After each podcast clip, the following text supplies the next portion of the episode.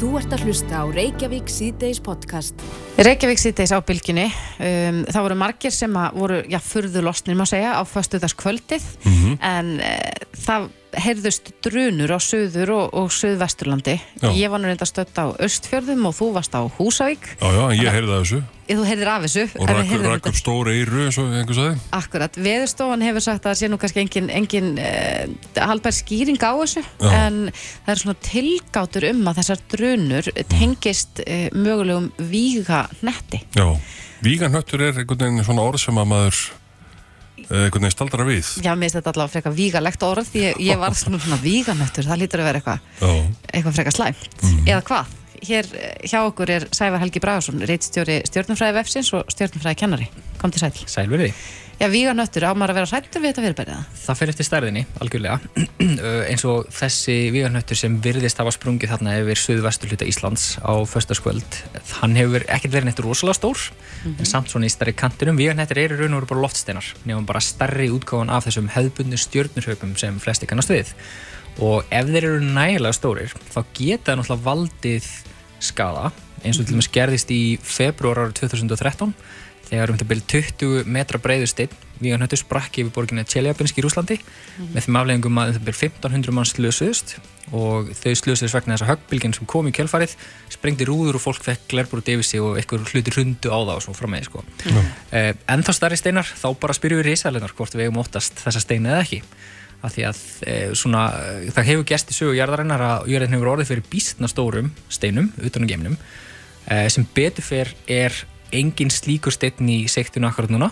Myndum við vita það? Já, við myndum finna það áður en það gerist og mm. kannski nokkrum árum áður en það gerist þannig að við getum bætt hættinu frá auðvitað það sem risalögnur gáttu gert sem tíma. Þannig að ef að steinn kemur til okkur og við finnum hann ekki á undan og fyrum ekki og bæjum hann frá þá höfum við enga afsökun mm -hmm. auðvitað risalögnar.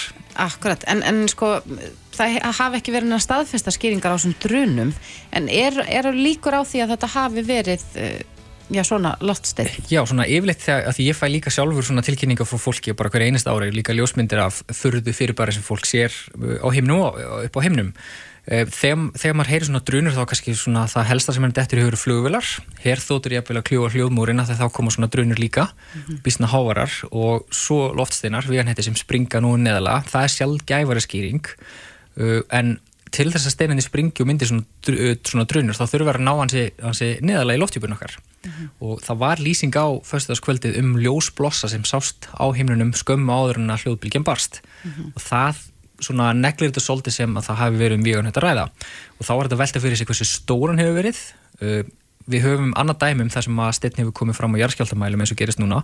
Það gerist í ágúst árið 1976 og sásteinn, það heyrist í eiginlega út um alland, sásteinn var um það byrju 10 tonn, 2 metrar í þörmál og þessi hefur þá út frá því bara verið kannski svona halvur metri upp í 1 metra eitthvað svo leiðis að stærð Já, já, bara svona eins og túbusjónvarp Já, já, akkurat túbusjónvarp eða þóttaveil eða eitthvað slíkt sko. já, og til þess að sprengja svona steina það þarf ekkert smávís afl til mm. þess og þegar þeir rekast á andrumsloftu okkar þá leggist þetta álið saman svona eins og pönnukökur þannig flétast álið út mm. bara standast ekki álæðu sprengitællur og til þess að sprengja stein sem er kannski metri þörmál þá þarf ansi miklu orku og þegar steinin springur þá þjapar hann alltaf loftinu uh, í kringum sig mm. saman og þá lísti fólk því líka eins og það fyndi fyrir einhvers konar höggbylgi skömmu áður en að um svipuleit og hljóði barst. Okay. Það er mjög áhugavert líka vegna þess að það er ekki mörg dæmum slíkt uh, að slíkt að voruði yfir Íslandi.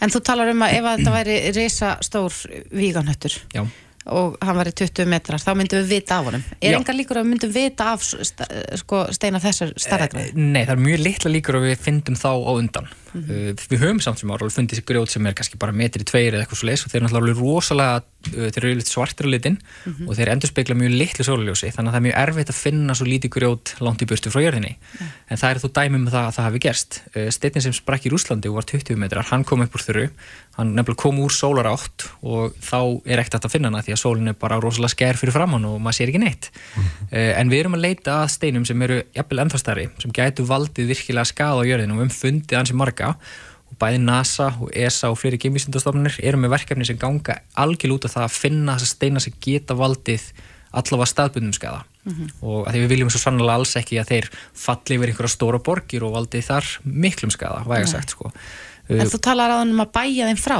Já, Hvernig óskofunum er það gert? bara gera ekki eins og Bruce Willis gerði, gerði í Armageddon sko.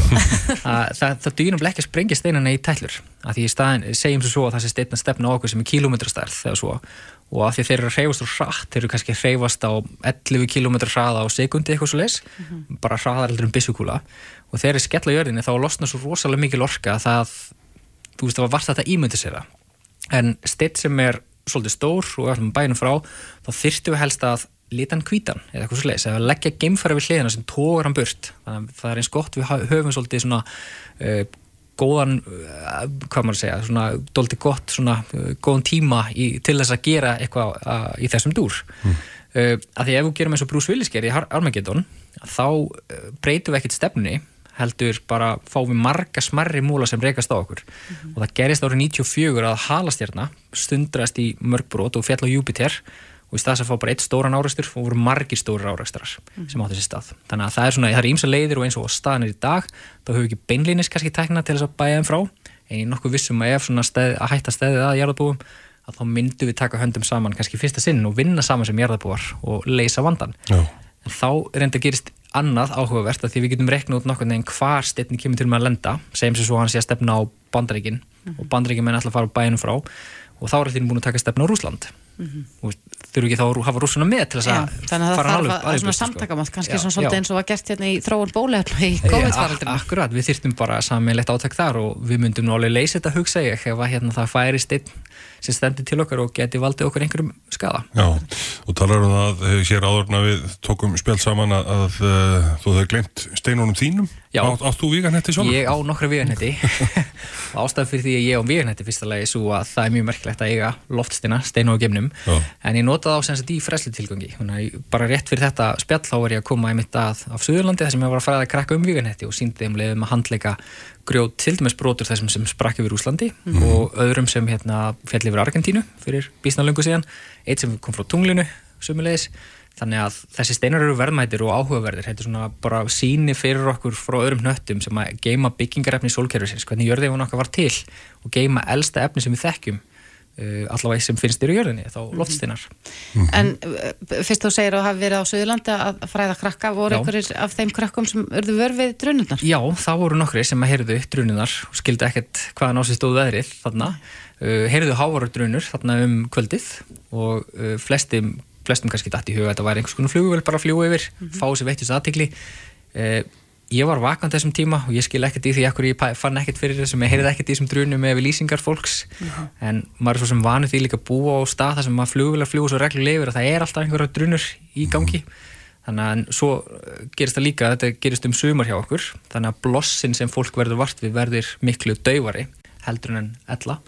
Þannig að svona, það, getur verið snúið að sjá þetta. Mm hverja ári sjá kannski 24-5 svona sem fólk verður vart við en helmingurinn gerast að degi til og svo stór hluti á, á sumurinn líka þannig að það er erfitt að verða vitna svona fögrum loftsteinar hröpum Akkurat. Sævar Helgi Bragarsson, reittstjóri stjórnufræði vefsins og stjórnufræði kennari. Takk kærlega fyrir komuna. Takk fyrir mig Þú ert að hlusta á Reykjavík C-Days podcast.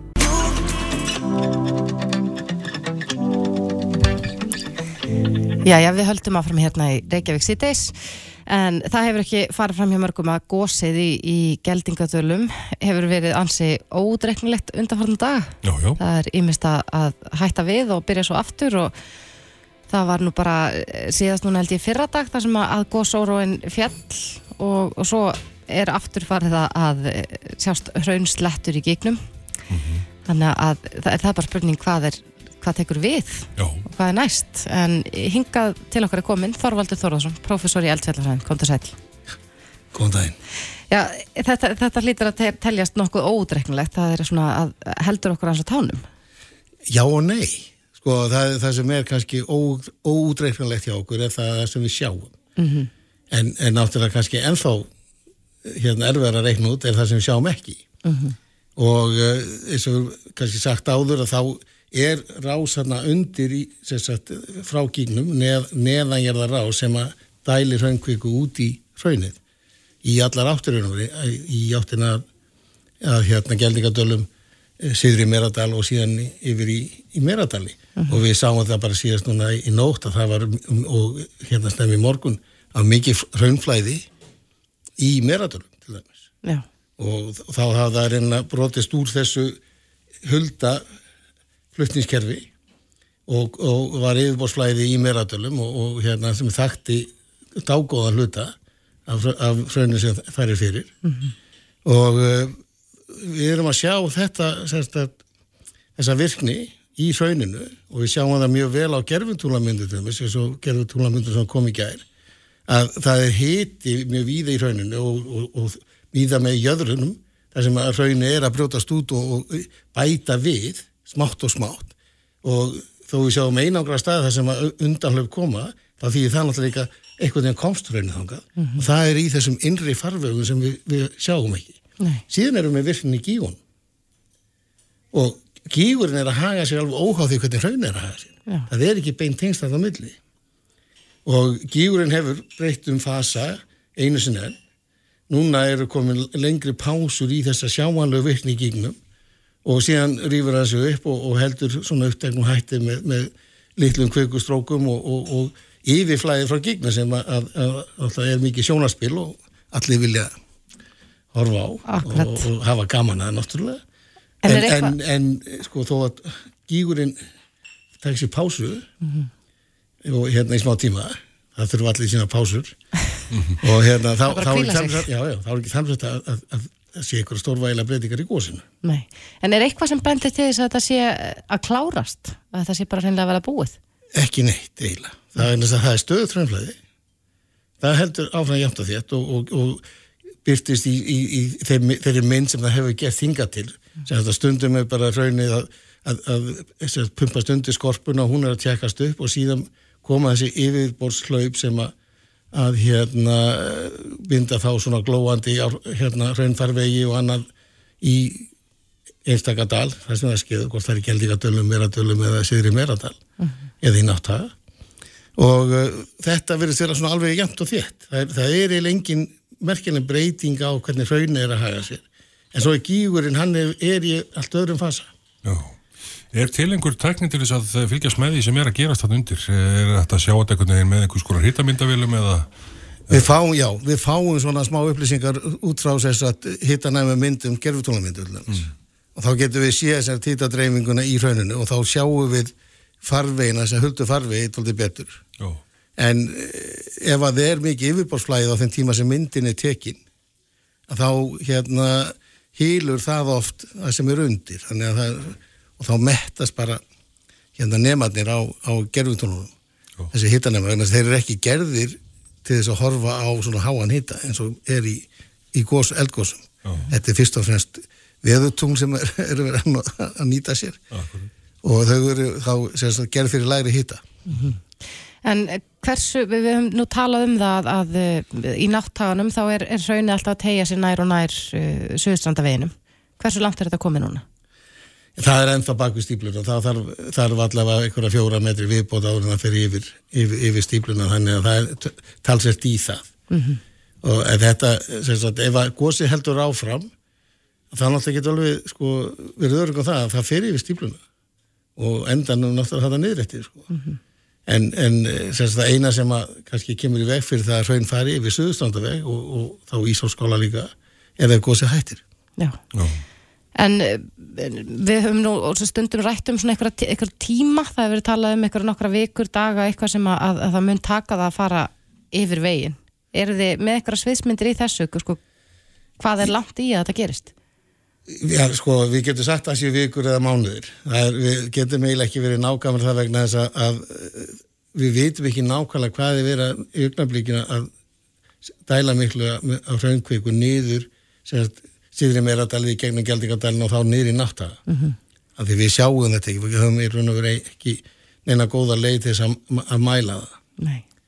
Eh, og uh, þannig að og það getur verið breytilegt frá einu tíma til annars það getur hægt á sér og ef það hægir á sér þá mun þetta allt taka lengri tíma Já. svo getur það líka aukið í og þá tekur það styrtir tíma Já. Um daginn var rætt við verkvæðing sem að uh, kynnti hugmyndur um einhvers konar uh, svona vegskála eða einhvers konar göng sem að hægt var að, uh, eða mannvirki sem að hægt var að byggja þarna á, á staðnum, það sem að uh, hraunveðsli geti farið yfir, hvernig líst þér á þessi áform? ég veist alveg að eh, sko, þess verið að skoða allt svona Já. og uh, raun og veru er þetta til dæla sem sagt hérna einföld jafna þannig séð Já. Eða er ávinningur að því ef við teljum að það sé líklegt að við höfum ávin, ávinning að því við, ef við höldum Suðurstranda vegi opnum sem að náttúrulega skiptir máli fyrir ekki bara einstök byggðal heldur líka fyrir fluttninga og annað í landinu og það kostar pening að byggja vegi og ef að svona aðgerð sparar okkur pening Já. þá, þá eigum við að fara í hann ef, ef, ef hún virkar. Þetta, þetta, er, þetta er svo einfalt eiginlega að eh, ef við höfum hagnað sem samfélag höfum hagnað að þessu Já. þá eigum við bæði að skoða þetta og, og fara þá í svoleiðis framkvæmdir. Ef, ef, ef að allt gefur til kynna að þetta sé góðu kostur þess að gera svona hluti. Það sér fræðingur hjá umhverfstofnum var að brýna fyrir fólki í dag að tilenga sér að kanna loftgæði í nákvæmlega við sig vegna menguna frá gósinu og maður sér þannig bara hérna snót úr glukkana að esjan er gott sem ósýnileg. Um, svo barust fréttir að því um helgina að það var rætt við Svöfu Steinastóttur helbriðisfulltrú hjá Reykjavíkuborg sem sagði að þetta væri míní móð, móðurharðindi móðuharðindi. Já, það má eiginlega segja að þetta séu mín í móðuharðindi verðan þess að í móðuharðindunum þá uh, vorum við með sá, hverjum degi sagt útstreymi brennisteins díóksíð á skalanum nokkur hundruð þúsund til miljón tonn. Núna erum við með svona 24 þúsund tonn. Þannig að þetta er varla sambarlegt Nei, nei, en, en eh, samt sem áður eh, svo þetta er svo nær eldstöðunum því eik styrkurinn á þessari mengun og, og Reykjavík er til dæra nálægt eldstöðunum þannig að, að það er alveg búast við því að fólk finni fyrir þessari mengun á Stór Reykjavíkusæðinu og, og, og víðar á Reykjaneska. Og það er alveg að hafa það í huga sko, ef að við sjáum svona móðu að að þá bara gera, vera með fyrirbyggjandi aðgerði, loka gluggum til þess, ekki vera með opna, glugga þó að það sé lít úti. Uh, og hérna reyna að forðast það að anda þess að sér sko. Setja það upp grímu eða, eða annað og því að þetta er sko, það sem kemur úr upp, upp um gíin er brennistens díóksíð, það hvarfast við vaskuð í andrúsloftinu og mynda brennistens síru, sem brennistens síru agnir og bara orðið síra, þetta, þetta segja okkur nóg, það er, sem sagt, það er ekki sérstaklega holdt. Nei. Eh, Það eru margir sem hafa kannski verið svona aðeins að rýna í framtíðina, svona þegar sloknar að þessu öllu saman, þá geti orðið þarna ansi reynd tilkomu mikið landslag með hellum og öðru slíku. Hvernig sér þú þetta fyrir þér í? Þetta Já, já, við, við þekkjum náttúrulega eh, bæði hérna Rauðurólshelli og Surtshelli og, og, og, og það er, þetta góðs er að búa til slíka hella. Já, já. Það er, það er engi, engi vaf á því og uh, ef að heldur áfram mjög lengi, ef við erum að tala um uh, kannski áratugir frekar en ár, að, þá náttúrulega endur þetta með því að að það býr til fjallana, hversu hátt það er, sagt, uh, fyrir eftir hversu lengi það gósi stendur yfir. Og uh, ég nú svona stundu vísaði í skjaldbreið í þessu efni sko, það tekur 50 ár að, að búa til skjaldbreið með þessar framlegin sem erum með í góðsynni gælningatunum og skjaldbreið rís 600 metra yfir umhverfið sitt. Akkurat. En þú segir að, að það eru, er ekkert sem bendir til þess að, að, að gósið sé að hætta? Ég sé ekki, sé ekki neinn teikn um það sko og, og þó svo að það gígurinn breyti um, um, um, um ham svona reglulega, hann er búin að gera þetta nokkuð oft í góðsynni, hann gerir þetta svona reglulega að, að þá hefur það meira að gera með það sem er að gera allra efst í góðsrásinni og óróun sem við sjáum sem hefur verið að detta niður og, og menna að vera að vísa mjög mikið er engin óróun núna og svo kemur óróun upp aftur. Hann er líka bundin við það sem skeður allra efst í góðsrásinni en við meðum heldur ekki gleyma því sko, erum að tala þá kannski með efstu 100 metrani í, í góðsrásinni eða aðfærslu æðin eins og tölum oft um. Já, og hérna, en þessi aðfærsla hún er 17 km lang já, og það sem að kom góðsinn á stað það er á 17 km dýpi. Og það tekur tíma fyrir það að fara að sjá einhverja smávægilega breytingur á yfirborði. akkurat. Já, þetta er spennandi, það er gaman að fylgjast með þessu og við bara eiginlega, já, vonum að þetta haldi áfram, þetta er mikið sjónarspil og, og gaman að koma þarna. Þorvaldur Þórasson, professor í Eld- eldfjallafræðum. Takk kærlega fyrir komuna. Takk fyrir mig. Hlustaðu hvena sem er á Reykjavík C-Days podcast. Jæja, við höldum áfram hér í Reykjavík síðdeis en uh, nú er augljósta að Íslendingar eru farnir að ferðast svolítið. Já, já. allavega við vitum að fólk er að fara að flugi innanlands en það er líka ansi margir sem að er að leggja leið sína til útlanda en, það eru bólusetningar með besta móti hér Já, og það ég held nú reyndar að það sé ennþá þannig að vera nú hvetja fólk til að fara ekki sko til há áhættu svæða Nei, í ferðalög þangað. Evrópa í þeim að er svona, er að grænka dag frá degi. Akkurat. En við fengum hérna fyrirspurt frá hlustanda sem var svolítið óviss um það sko, hvernig maður ætti að haga hlutunum þegar maður er að fara út. Já, Hvaða er sem maður þarf að gera? Við vitum að við þurfum að vera með bólusetningarskýrtin inn á, á, á taktinum og, og svo eru þetta mismunandi reglur sem gilda í einhverjum löndum en, en hvað er það svona hér heima sem að við þurfum að, að spá í áður en við förum að ferðast? En á línu hjá okkur er Guðrún Aspilund, hún er yfirlæknir á sóttvarnarsviði hjá embætti landlæknis. Komdu sæl Guðrún. Sælbless. Já, eh, eins og þú heyrir að þá er, eru einhverjir að veltaði fyrir sér sko hvað maður þarf að gera. Ég kannski byrjum á, á bólusetningaskýrstuninu. Hvernig nálgast maður það og hvenar? Já, það er hægt að nálgast það hér á helsuveru. Uh, en ef fólk er ekki með rafræn skilirki þá hjá helsugjastlinni. Og það er hægt að nálgast það eftir að bólusetningu er lokið. En um, það er miða við að þau taki gildi 14 dögum eftir það. Sem sagt 14 dögum það eftir fitnessbrötu eða 14 dögum eftir Janssen-sprötuna. Akkurat. Og er þetta, sko við heyrðum að því um daginn að þessi græni passi væri komin í gagnið að maður gæti fengið sko rafrænt eh, bólusetningaskýrtinni. Eh, Er, er það nöðsin eða, eða sérst, þarf maður að vera með útprentað eða dugar að vera með þetta í símanum á, á rafrænu formi? Já, það er einmitt mjög mikilvægt að kynna sér reglurnar í því landi sem fólk er að fara til. Því það eru mjög mismunandi ennþá. Það er ekki sumu reglur í öllum löndum, ekki eins og í öllum löndum Evrópu, um, en, en maður myndir svona halda það en það er bara ekki þannig. Þannig að það er mikilvægt að aðtöða hvernig þetta er í því landi sem hefur að fara til. Og þetta rafræna skiptinu sem uppkalagi á að kalla grænipassinu svo reynda var nú skipt um nafn sem kannski ekki mjög heppilegt en það heitir raunin ekki þetta lengur. Nei, ok. Að Það, það, það sem það innifellur, það er í raunin þessi QR-kóði sem er á skirtininu. Þannig að ef að það er til staðar, þá er þetta að lesa skirtinnið í þeim löndu sem taka við svoleiði skirtinni og nú frá 1. júli er það nú, held ég bara, land í semst, innan e Európusambassins og efnarsvæðisins. Akkurat. Og þá koma upplýsingarnar fram í þessum kóða og, og það er einnig staðfest hver einstaklingurinn er, svo þetta tryggir svona öryggi skirtinuna og þetta er komið á vottarðin hérna. já. Talandi mitt um uh, þessi vottorð og uh, bóluefnin, það er nú kannski ekki öll bóluefni sem að eiga upp á pallborðið allstaðar. Það hefur verið talað um að fólk sem að hyggur á færð til bandarækjana eigi erfiðara með það ef að það hefur verið bólusett með AstraZeneca. Er eitthvað til í því? Já, sko, ég þekki náttúrulega ekki alveg reglurnar inn og út í öllum löndum og, og hérna, en bandaríkinn sko sjálf hef ekki samtíkt AstraZeneca bólefni til notkunar hjá sér. Nei. Þa- Þannig að það er mikilvægt að, kynna sér það.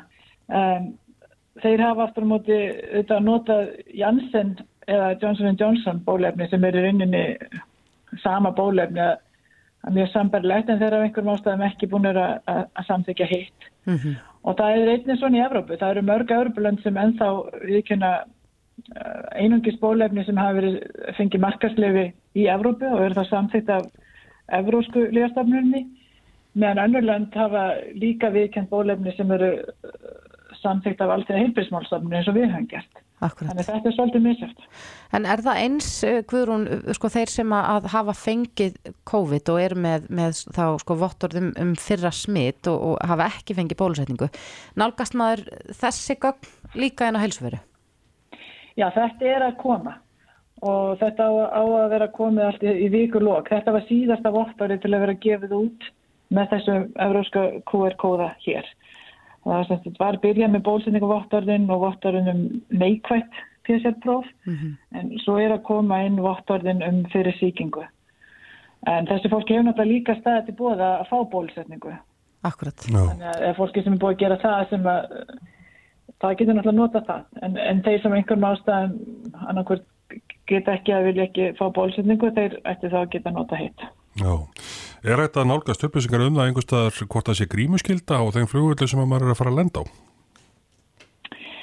Ég, sko það verður bara aðtöðað í því landi sem þetta fara til. Þá, og ég mæli nú með því að til dæmis að fara inn á vef hjá auðvitaðningsstaðanitinu, þeir eru með ágætt lista yfir land í starfarsvöð, það sem hættir að flett upp uh, hvað er í gangi í hverju landi. Og síðan eru mörg lönd með fínar heimasýður það sem er útskýrt reglurnar. Um, ég, mér finnst svona almennt að sé nú ennþá í flugi og, og þá á flugvöllum oft grímuskylda. Akkurat. en hérna, en þú getur þetta að fara bara eftir viðkomandi landi sko.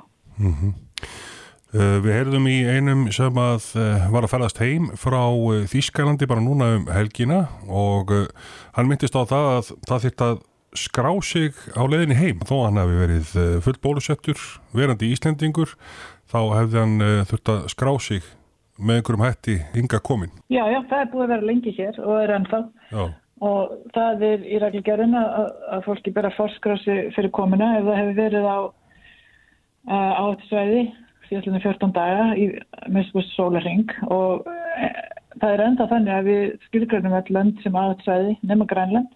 Já, þannig að fólk sem hefur á ferðalagi er að koma aftur heim það þarf að forskrási þó að uh, sé ekki lengur þannig að það þurfa að fara í sínatöku eða sókvi. En, en hvað gerist ef maður gerir það ekki? þá ertu látin gera það á landamærunum en En þið mælist til þess að fólk forskráa sig? Ekki, já, við mælum það. Það er núna skilta á flugregandum að, að staðsetta að fólk hafi gert það. Þannig að það er alveg hugsanlegt að fólki verið meinað um borð ef það er ekki búið að því. Akkurat. En uh, já, sóttvarnalegnir hefur nú ráðlegt Íslendingum að, að uh, já, fara ekki á áhættusvæði. Er, er svona heimsmyndin að breyta svolítið þannig að áhættusvæðin er að verða færri og færri? Já, sko, leifinningunum var nú breytt nýlega þannig að, að, að óbólusettum var ráðlegt að vera ekki að ferðast erlendis. um, en áður var það já bara öllum og þetta var svona nöðsynlausu. Þetta eru sumi sem það eh, getur eins og ástæði fyrir því að fólk verða að fara utan. En, og þetta stendur ennþá, við erum að ráðleika þeim sem eru ekki bólusettir að, að halda sig heima því að það eru smitt erlendis á mörgum stöðum og þó að þau sé að minga þá eru þau samtölur meir en hér. Um, en alveg rétt, það er Evrópa er orðin ansi græn sem eru auðvitað jákvætt Já. og við höfum alltaf stöður endur skoðum þessi áhættisvæði en það hefur ekki verið tækina ákvörðum að breyta þeim akkurat núna en það er alveg vel hugsanlegt að, að það að gerist þá einhvern tímann svona með haustinu. Já. En, en þetta lítur þá eiga líka við um börn. Núna vitum við að, að, að sko fullorðnir, langt flestir orðnir bólusettir eh, hér á landi, að tölurnar eru alltaf á stöðri leið upp á við, en um, börn undir 15 ára í raun og verið að 16 ára eru flest hver ekki bólusett. Nei, það er alveg rétt. Sko, það hefur verið talað um að, að hérna að, að fara að bólusetja börn 12-15 ára ef að fóreldrar óska þess. Um, en það myndi þá gera, vera gert svona á heilsugjastlunni og ekki svona fjölda bólusetninga eins og þetta sem var gert í laugutasöllunni. Það er kannski ekki heppilegt að, að hérna, verðum að gera það með börn. Þannig að þá myndi heilsugjastlan taka þetta að sér áfram eins og þau hafa gert hinga til en, en þetta er þá gert bara í gegnum lækni eða heilsugjastlu viðkomandi. Já. En þangað til já, eru börnin á bólsett og já, við erum þá ekki að mæla með því að, að þau séu að, að fara erlendis eins og er. já. Eitt svona í lokin eh, er eitthvað sem ekki hefur komið fram í þessu vittali sem þú myndi vilja koma á framfæri við ferðalanga? Já, ég myndi bara vilja hvetja fólk til að huga bara að sínum persónlegu sóttvörnum. Að þátt fyrir að, ástandið sé á betri leið en mörgum stöðum að þá bara minna á þetta með handhreinsun og fjarlægt og gríminótkun. Að hún á bara oft við og sérstaklega það sem er fjölminni og innan dýra. Að, að fólk hættir ekki þessu og, og, og muni eftir sem bara hugsa um fyrir sig og það getur líka að fara eftir þínum aðstæðum hvað á við og hérna, þannig ég vil bara fólk sem að taki það með sér í venasti. Heldur þú, Guðrún, að þetta sé komið til að vera? Að við munum, eh, já, kannski bara alltaf vera með grímur einhvers þar nálagt okkur og, og nota þær þegar að, að það starf? Ég held að einhver leiti sko, ég mér finnst það skynsalegt. Um, til dæmis fólk sem er búið að vera að með sér að það er ekki COVID en þú veist að bata vegi og ert að fara út aftur og ferðinni að þá að vera með grímu og halda áfram að spritta hendurnar og, og ef þú þarft ekki að vera starf í mannfröng eða það sem er pláss að, að virða þetta á fjarlæg lega fólki að hafa, hafa það líka Ég, mér finnst að við ættum að reyna að geima eitthvað af þessu Akkurat. Já, Guðrún Aspilund, yfirleiknir á sóttvarnarsviði hjá Embetti Landlæknis. Kæra þakki fyrir þetta. Gjör svo vel, takk fyrir Takk, bless. Bless. Reykjavík síðdeis á bylgjunni. Reykjavík síðdeis á bylgjunni heldur áfram. Það er eh, fátt sem að fólk hugsar held ég mikið um eins og heimilisbókaldið. Já, Þetta er eitthvað sem að skiptir alla máli, mm hvernig maður getur sparað krónurinn á heimilinu og, og það er bara seinlega dýrt að lifa, það er lögt að segja það, eðum háum fjárhæðum í að kaupa í matinn og borga eh, húsnæði og, og svo koma bílarnir inn í spilið. já, já. Þetta er ótt svona einhver, einhver ein stór summa sem að maður sé fyrir sér og maður veit svo sem ekki í hvað peningarnir allir eru að fara. Nei, En þá er gott að einhver geti bent manni á það að það er akkurat þetta þarna sem að er að kosta Akkurat. hansi mikið. En uh, samgöngur eru næst stærsti útgjaldalegur íslenskra heimila á eftir húsnæðiskostnaði. Þannig að þetta, er, það, þetta með bílana og hvernig maður kemst á milli staða það er eitthvað sem getur skipt mann gríðarlega miklu máli. En nú var verðlags eftirlit ASI að gera úttækt á þessu hversu mikið má spara með því að fækka bílum á heimilinu eða reynilega sleppa því að reka bíl og hinga til okkar komin auður Alfa Ólafsdóttir verkefnastjóri verðlags eftirlits ASI kom til sæl Takk. Já, þetta er úttækt sem þið gerðuð og, og þið sýnir fram á að það er hægt að, að spara gríðarlega í heimilsbókaldinu með því að annarkvæmst að fækka bílum eða þá bara að sleppa þeim almennt. Já, akkurat, eins og segir, þá er þetta næstasti útgjaldaleirinn á eftir húsnæðiskostnaði og hérna, og við tókum sem sagt saman og, og notum uh, útreikninga FIB, félags íslenskara bifriða eigenda, uh, hérna yfir, uh, já, kostnað við bíla og hérna skoðum hvað mætti spara með því að, já, fækka bílum á heimilinu eða sleppa þeim. Og við tökum inn í dæmi sem sagt, uh, já, við gerum ráð fyrir því að fólk sé með, uh, já, bara, uh, hvað hann heitir, strætókort. Og hérna geti leikt bílaleigubíl einu svona ári og hérna gerum ráð fyrir kostnaði í hjól líka. Og eins gerum við ráð fyrir sko einhverju mánaðlega kostnaði í leigubíl og eða svona deili, hvað heitir þetta, deili skuttlur, rafskuttlur Akkurat. og hérna þannig að við gerum ráð fyrir að fólk nýti hérna ymsu aðra samgöngumáta í staðinn og miða við þessi dæmi sem við setjum upp þá er fólk að spara sko frá einu upp í tvær miljónur ári. En það fer auðvitað svolítið eftir á hvers konar bíl þú vast fyrir, hvaða bíl þú ert að sagt, hérna, losa það við. En við miðum samt við uh, ódýrasta bílinn í útræðningsdæmum FIB þannig að og þannig að þetta er 1-2 miljónir í sparnað á ári og hérna reiknað út í launum er þetta anþá meira. Akkurat. Og þetta er að lámarki vegna þess að eins og segir þá takið þið ódýrasta bílinn inn í Já, öfnuna. hjá þeim sko, það er að finna, finna hérna uh, þessa grein uh, á vinnan.is og hérna og skoða og við linkum inn á sem sagt, þannig um, uh, hérna útreikning hjá FIB þannig að fólk getur séð við hvað er miðað í dæminum. En þar er tekið inn í sagt, hérna, veist, það er trygging og kostnaður eh, það eru afskriftir og allt og það er verið að miða við þarna, ég held að þetta sé fimm ára gamall bíl sem að við miðum við.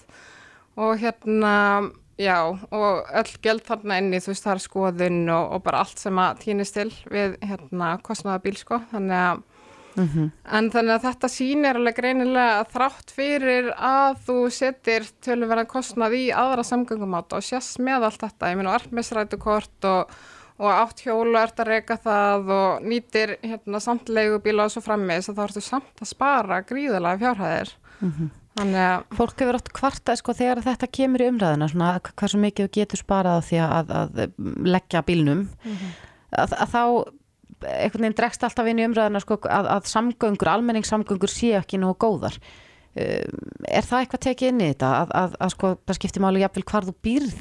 Um, þetta er auðvitað bara, hérna eins og við segja, þetta er, þetta er bara dæmi um sparnað og hvernig má spara og við tökum alveg fram í greininu auðvitað hérna hendar þetta ekki öllum og það er ekki allir sem geta sko annarkvort fækka bílum á heimilinu eða hætt að vera bíl, það eru alls ekki allir sem geta það en það er, er örgulega samt tölur verið hluti fólks uh, fer auðvitað eftir bara aðstæðum, fjölskylda aðstæðum, uh, hvar fólk er að vinna og hérna og bara hversu stórar fjölskyldur eru og svo frammis, þetta er auðvitað misauðvelt fyrir fólk og líka eftir hvað, hvar það býr á hérna hvort sem það er á landsbyðin eða höfuborgarsvæðin eða hvað sem það er sko.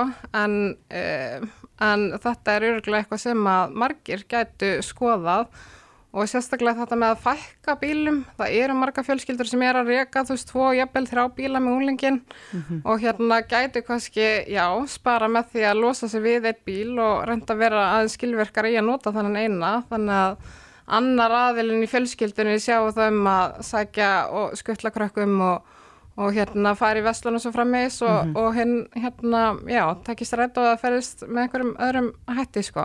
Já, eh, hversu stór þáttur eru orkugjafnir í þessu? Eh, það lítur að vera mikil sparnar hjá bílegend að færa sig yfir í eh, rafbíl? Rafbíl, uh, já, það er hérna auðvitað annan, þannig eru við bara miða við vennilega bensinbíl. Mm. Uh, það er nú talað um að rafbílar séu svona tölverkt dýrari hérna í innköpum mm. en þeir eru auðvitað ódýrari í rækstri þannig að hérna, en ég er ekki alveg með það á hreinu, það fer auðvitað bara eftir í já, hvernig bíl, hvernig rafbíl ætlar að kaupa, hversu dýran og svo framins en nú eru auðvitað dettin að marka uh, hérna notaði rafbílar þannig að það getur verið heilmikið sparnari að kaupa þannig bíl. Mm -hmm. og það sérstaklega ef þú ert hérna bara keiran innanbæjar. Já En þeir settu þetta, þessa úttekt upp svona svolítið myndrænt og það er alveg sláand að sjá, mm -hmm. sko þeir takir dæmi um, um spartnægu einstaklingi sem hættir að vera bíl og þetta eru ja, tæp miljón á ári. Já, tæp miljón og, og ennþá meira að reyna þetta út í launum þannig að við skoðum bara pælum í þessu sem launahækkun þá er þetta náttúrulega bara, já, mjög mikið launahækkun bara við að hérna losa við bílinn, þannig. Mm -hmm. Þannig að ráðstöðun að tekið fólks getur verið Já, tölverð þerri. Tölverð þerri og hérna, svo eru margir sem fara að tala um það sko hvort, hvort að við tökum eitthvað tímasparnaðan inni, sko tíminn sem að sparast með því að vera á bíl. En það er þetta líka bara mjög mikið mattsatrið hvort að maður er að spara mikið tíma við að vera á bíl. Af því að hérna það feru þetta tími bara í að skafa bílinn, þrýfa bílinn, fara á verkstæði, þú veist þegar þú þarfst að gera á bílinn, fara með bílinn í skoðun alls konar svona hérna, þættir sem að taka tíma og ef þú ert hérna, notar aðra samgöngum á þetta, ert í strætó eða hjólar eða gerir þetta í skiptis að þá hreyfir þið hérna, miklu meira en að þú fer bara að labba út á staði og sess bentin í bíl mm -hmm. þannig að mögulega getur þú slepptið að fara í rættin að beinta þetta vinnu þannig að hérna, það er þetta mats atrið að fyrir eftir hverju meinum hvort þú ert að spara eitthvað tíma með því að vera á bíl sko. mm -hmm. þannig Nú er alltaf síðan þið kynntuð til sögunar akkur þessa, þessa útættikar. Já. Uh, hafa bílegundur látið því sér eira? Uh, já, það má alveg segja það. Það mm. voru hérna, ég held að engin útækt sjá okkur uh, verkefni fengi af mikla aðtekli á þessi já. og það voru þetta margir sem að hérna, já, hafa hveðið sér ljós á Facebook síðan okkar og, og hérna, já, voru ekkert sjálfa ánaði með þetta og Nei. finnst svona að sér vegið og hérna og fólk og þetta bara þú veist, er að lýsa að það sé ekki aðstæðum til þess að gera þetta svo frammis og, og hérna en eins og við tökum fram í greininni þá er þetta bara fyrir þá sem að hérna geta og það er mhm. ekki allir í, í hérna aðstæðan til þess að gera þetta og svo frammeins þannig að við erum ekki að segja fólki að það eigi að gera þetta mm. og við hvetjum fólk líka bara til þess að reikna dæmið fyrir sig, setjast niður Uh, og skoða nákvæmlega þú veist hvað hérna, já bara hvað rekstur og eiga á bíl kostar og hérna og hvernig það getur lækka þennan kostnað. Þess að þetta dæmi lítur þetta mjög smendu út hjá fólki, sumir eru á mjög ótyrum bílum, jáfnvel einhverjum eldgamlum drauslum sem á orði koma sem að hérna þú veist er, er kannski ekki hérna það er ekki mikil affell af þeim. En ég held að rekstra kostnar við bíl sé yfirleitt lúmskari og meiri en fólk haldur, þú veist, þegar það fyrir að taka þetta saman. Og eins og ég segi, sko, þó að fólk sé eða eitthvað í leigubíla, notarafskullur og jafnvel hérna leiga, leiga bílu leigubíl einu svona ári yfir sumatíman eða yfir jólatíman að þá er fólk samt að spara svo brjálega mikla fjárhæðir að að, hérna, að það er allavega kostar ekkert að setja snur að skoða þetta Nei, en eins og segir, þá, þá bara eru þau jafnvel að opna augum fyrir þeim sem að gætu Einmitt. mögulega að setja sig í þau spóra að geta að losa sig við einn eða fleiri bíla. Algjörlega og við segjum líka og við tökum alveg undir það að almenningssamgöngur mættu vera betri og hérna Reykjavíkuborg er náttúrulega bílaborg og er hannuð fyrir bílinn með bílinn í huga og hérna þannig að það var náttúrulega bara gríðalegur, uh, hvað ég segja, ávinningur í bara fyrir almenning ef að bara þegar borgarlínu verður orðin, uh, já, orðin er umveruleika og almenningssamgöngur betri þá hérna hefur fólk meiri betri kost á að hérna, já, vera á færri bílum eða jafnvel sleppa að vera bíl. Þannig að hérna, að við tökum bara undir það að, að hérna, að við ættum að stefna því að Já. bæta almenni samgöngur. Akkurat, við hvetjum bara hlustum til þess að kynna sér þetta á vinnan.is Auður Alfa Ólafsdóttir, verkefnastjóri Verlags eftirlits ASI. Takk kærlega fyrir komuna. Takk fyrir mig. Þetta er Reykjavík C-Days podcast. Reykjavík síðdeis á bylgjunni heldur áfram. Það er þetta fimmlega vandamál sem er komið hinga til lands. Ég held Já. ég hafi nú verið að lesa fréttir að þetta er komið til Akureyra líka. Já, Lúsmíð. Ég var endar á Östurlandi um helgina, Östfjörðum og, og ég held að sé ekki lúsmíð þar. Þannig að það var bæði sko sól og blíða og ekkert lúsmíð. já, En maður hefur séð um, já, mikið af, af fréttum í, í tengslum við þetta. Fólk er með ímis ráð, það er Facebook-hópur sem telur mjög mikil fjölda fólks sem talar um lúsmi, eh, sem heitir heldur bara lúsmi á Íslandi, það sem fólk er svona að þreifa fyrir sig hvar það er og hvar það er ekki. já, En uh, okkur leikur forvitna að vita eins meira um þetta fyrirbæri og, og hvort það sé yfir höfuð eitthvað hægt að gera í þessu.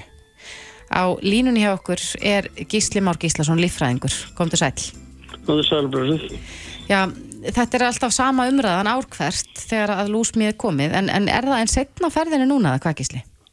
Já, mér finnst það. Ég var nú ekki varfiða í kjósinu fyrir setnipartin í, eða senast í júni. Venjulega er þetta komið fyrir miðjan júni, þannig að kalda voru hefur nú haldið aftur að því að klekjast. Já, en, en þýðir það að, að það verður það með okkur aðeins lengur? Það þarf ekki endilega, því við vitum ekki eins og hvað er margar kynsluður ári. Ég hef grunum að það gætu verið tvær og vegna þess að þetta kemur aðalega í tveimu bylgjum. Þó að sé stundu svona óslitið á milli, þá er það minna um, svona, um mitt sumar heldur en í, í júni og ágúst. Þannig að það gætu verið tvær göngur en við, við bara vitum það ekki. Það hefur engin rauninni lagt þetta fyrir sig að stúdira þessa tegund. já, Þetta er, þetta er ein tegund af sjö á Íslandi. Það er bara ein sem er að býta spendir og okkur þá. hinar eru rán- rándýr á, á litlu mý. já. Nú hefur náttúrulega þetta lúsmi, þessi tegund sem er að býta okkur, uh, búin að vera hérna í nokkur ár og eru ekki eitthvað farin að læra á hvaða er sem að hún er að sækjast í? Hún, hún sækist auðvitað í andadráttin okkar. Hún lagast að, laðast að koltvísirinu sem við endum frá okkur. Þannig finnur hún fornalambið og, og hún sækist þá í að sjúa blóð til að, kvendýri til að geta þroskað ekki. Þetta vitum við. Og það er þá hvernig það ætlar að koma í veg fyrir það nálgast og það er að gera það með því að útlöka hún byrjast inn í hús. Hún, hún ánefnilega til með að býta fólk innandira sem til þess bitmiði gerir ekki. Það er þá að gera með því að loka glöggum og hurðum og passa á sumarhúsum að sé ekki mikið opið. Eða þá að setja með fínriði net fyrir opnarlega fög. Þetta er nú svona einar og hitt er að fara í apotek og kaupa skortýrafælu efni og bera á sig Já, ég manna að það, hér, held ég í sí- síðasta sumar að þá seldust viftur upp, það var bara reynilega ekki hægt að kaupa viftun hins það vegna þess að, að það var sagt að, að það er höndluð illa uh, sko vindin. Já, já, þetta eru svo smá skortýr og þetta eru, eins og þessi, ég hef svona séð á sjálfum með þá er þetta um 2 millimetrar og þetta þólið þá enga vind. Ef það er einhver vindur, þá, þá fíkur þetta í burtu, þá er engin biti. Þess vegna er þetta svona uppsveitum Suðurlands og uppsveitum Vesturlands, þar sem er, er lokn í, í, í, í skóarjóðurum þar sem eru sumabústæðir. Þar er fólk biti mest. Akkurat. En eh, mér finnst þess að sko, fólk talar mikið um það og byrstir mikið myndir af sér sko, eftir að hafa verið bara nánast geti lifandi ef að marka má myndirnar. Eru sumir sem verða eh, verð fyrir barðin á lúsmínu en aðris? Og, og hvað veldur því? Já, það er stóra spurningin. það var uh, maður á nafni Logan í Breitlandi sem komst að því að að hérna að sem spendir og svo gýr og eh, sumar einstaklingar geta gefið frá sér efni sem eigðilegu lyktaskinn flugnana, moskítuflugnana og þá sennilega lúsmís og annara kvíkinda. Það fólk sem gefur frá sér slík lyktarefni, það er sennilega minna bitið. Síðan í annars stað þá er þetta fólk sem verður ekki, verður, er ekki svarar ekki eins bitunum, ekki eins illilega. Og það er ofta til fólk sem er búin að bitið oft Já, og, og, og, fyrir, og þá eru svo myndir svona eins og ónæmi gagvart bitunum, það er bara að fær smá nú, ég er til dæmis orðið svona, ég var mjög slæmur fyrsta árin 2016-17 þá bara, þá, þá var ég allur stokkbólkin, núna er þetta bara pínuleitla bólu sem hjáðna og, og innan við degi já, er þá líka að, að fólk veljist þessu með tímanum já, líka minn að byggja upp eitthvað einhvers konar ónæmi. Já, gagvart bitunum. Já. Og það þekkjum við líka með bitmið. Fólk er búin að bitið af bitmið frá því að land var numið fyrir 1100 árum. Fólk verður mjög sjaldan illa fyrir barðin á því því það er búin að bitið svo oft um æfina. Þannig að maður ætti kannski bara að, að leifa lúsmín að, að geta sér lifandi nokkru sinnum og, og reyna þá að mynda þetta ónæmi. Já, það nú ekki að vera bitið svo mikið. Það er alltaf að reyna að forðast bitin með, með skortirafæli efni og, og lokuðum glukkum en, en það er en það, við, það er alveg lítið annað hægt að gera og svo bara sjá hvað gerist. Og maður verður varfið að þeir sem eru á þeim svæðu þess að það er ný nema land eða nema eins og núna í austan og Snjóskadal, það er nú komið þangað á Norðurlandi, það verður mér sýnist að verða verð fyrir já, fara verð út úr bitunum heldur en þeir sem eru til þess að í kjósunum er búin að vera bitnir reglulega í sex ár Akkurat. En hvað með höfuborgarsvæði? Maður hefur nú heyrt að það sé lúsmi komið, eh, sé hér á höfuborgarsvæðinu en, en einhvern veginn er, er ekki svo hávara rattur um það. Er lúsmi hér á höfuborgarsvæðinu? Já, ég ger ráð fyrir að sé einhver stað sko. það er, við vitum það að lirfurnar þurfa ra- mýrar eða, eða, eða, eða tjafnir eða stöðuvötn eða jáfnveg bara rakan í harfið til þess að geta þroskast. Mm. Lirfurnar er í bleitu og það megnið að Reykjavík komið til Malbygg eða steinsteipu eða þurkaða garða. Þannig að það er ekkert orðið mikið eftir að svona búsvæðum fyrir lúsmíð.